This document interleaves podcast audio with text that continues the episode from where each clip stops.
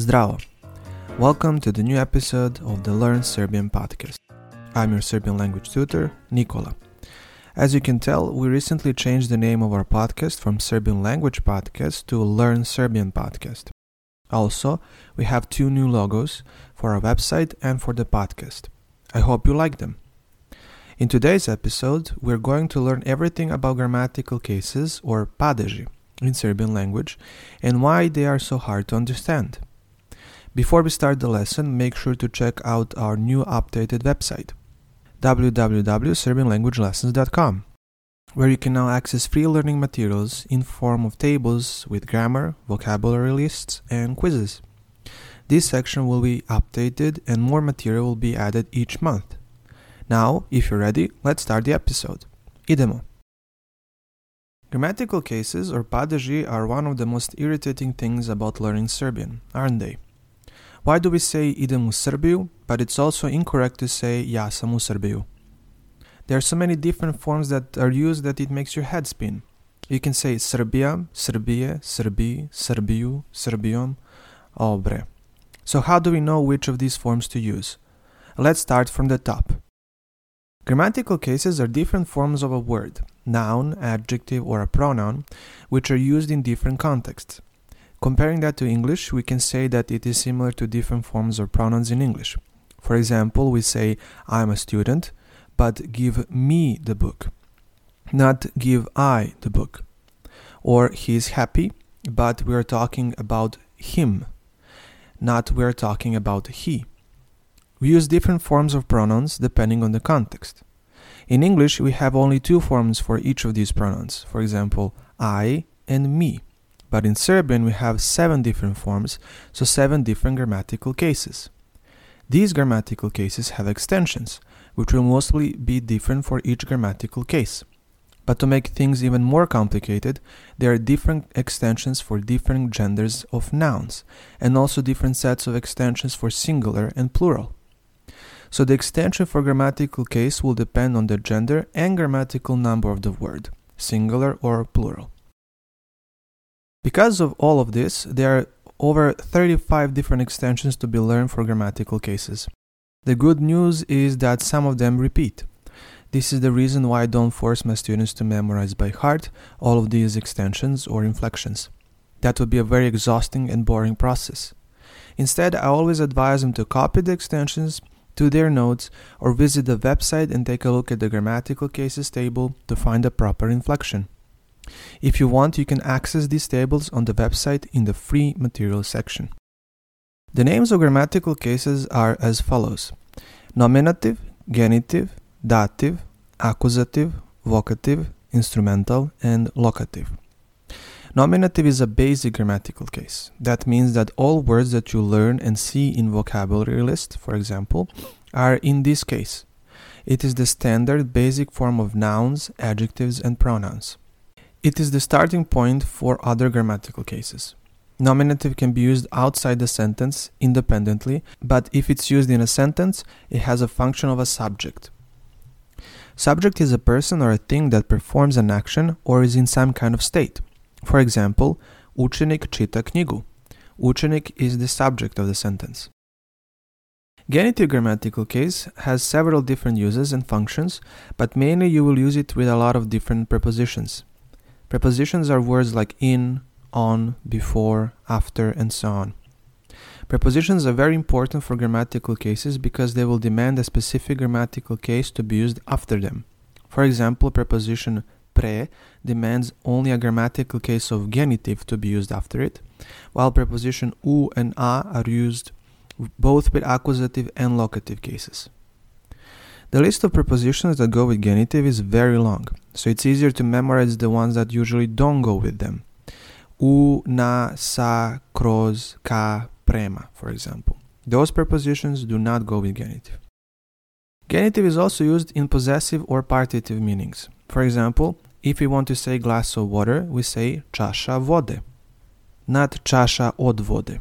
Therefore, genitive can be used with or without prepositions, and it usually takes at least two or three lessons to cover it.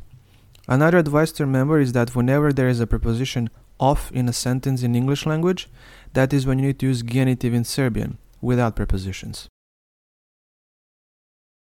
Dative is a grammatical case used to mark an indirect object without prepositions. Indirect object is an object that is indirectly affected by the action. Dative is also used to mark intention or recipient either of an object of an, or of an action.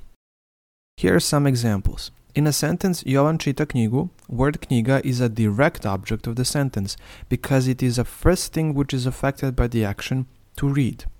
But in a sentence, Jova čita knjigu Milanu, Milan is affected indirectly by the action because Jovan does not read Milan. He reads a book to him. There is also an intention involved where Jovan wants Milan to receive the action of him reading a book. Yep, it can get really messy when it comes to grammatical cases. In addition to this, dative is used with prepositions ka and prema, which mean towards.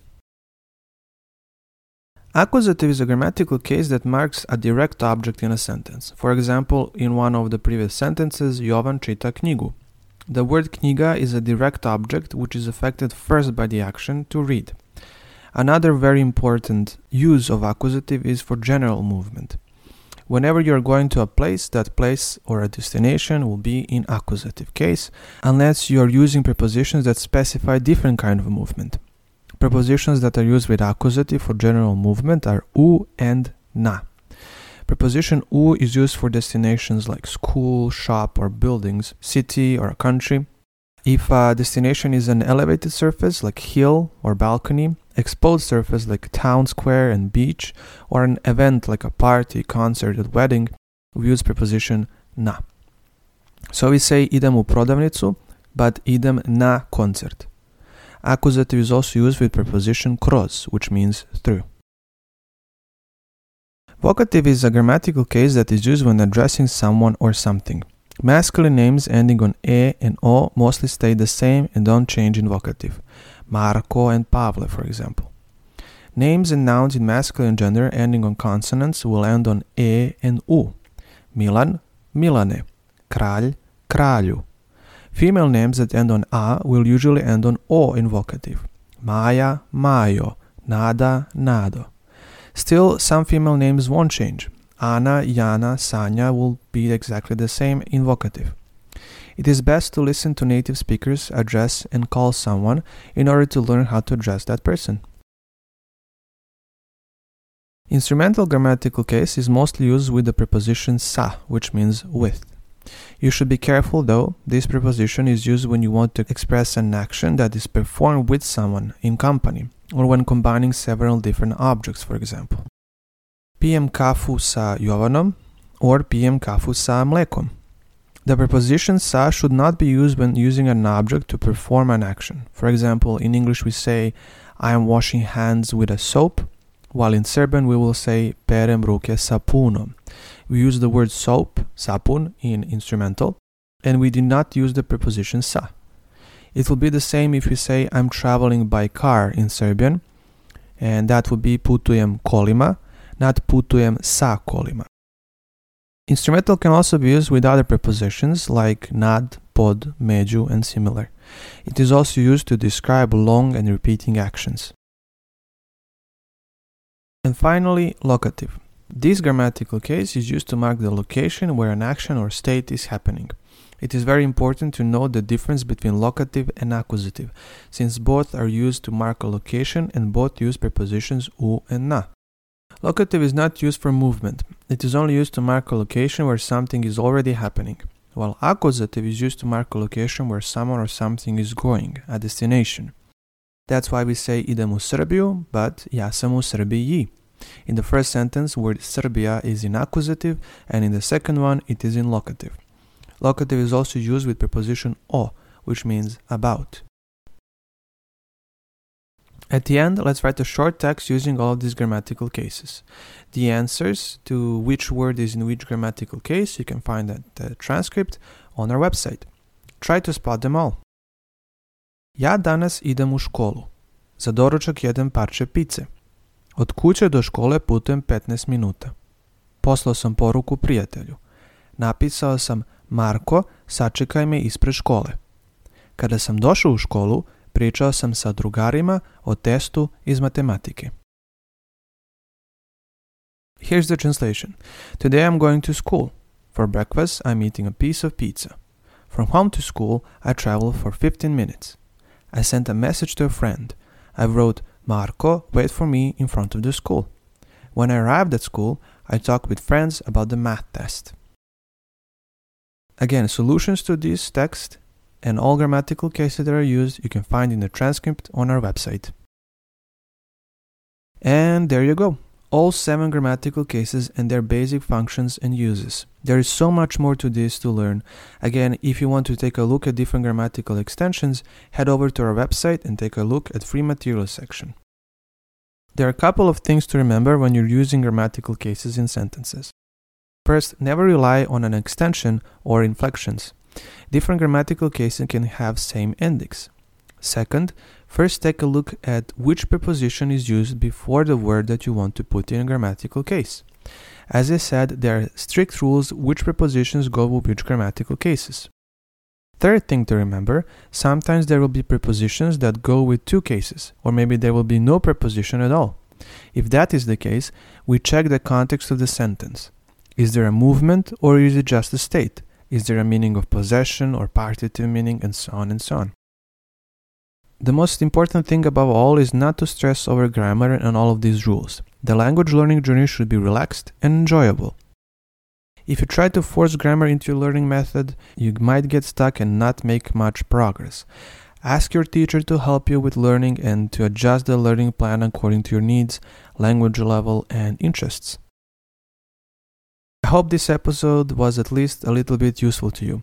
I tried to include all the basic functions of each grammatical case remember to visit our website www.serbianlanguagelessons.com and take a look at the table of grammatical cases and their inflections. Nouns and adjectives will sometimes have different endings. Also, visit our Instagram page, Learn Serbian or Serbian Language Network. Thank you for listening and see you next time. Vidimo se. Ciao!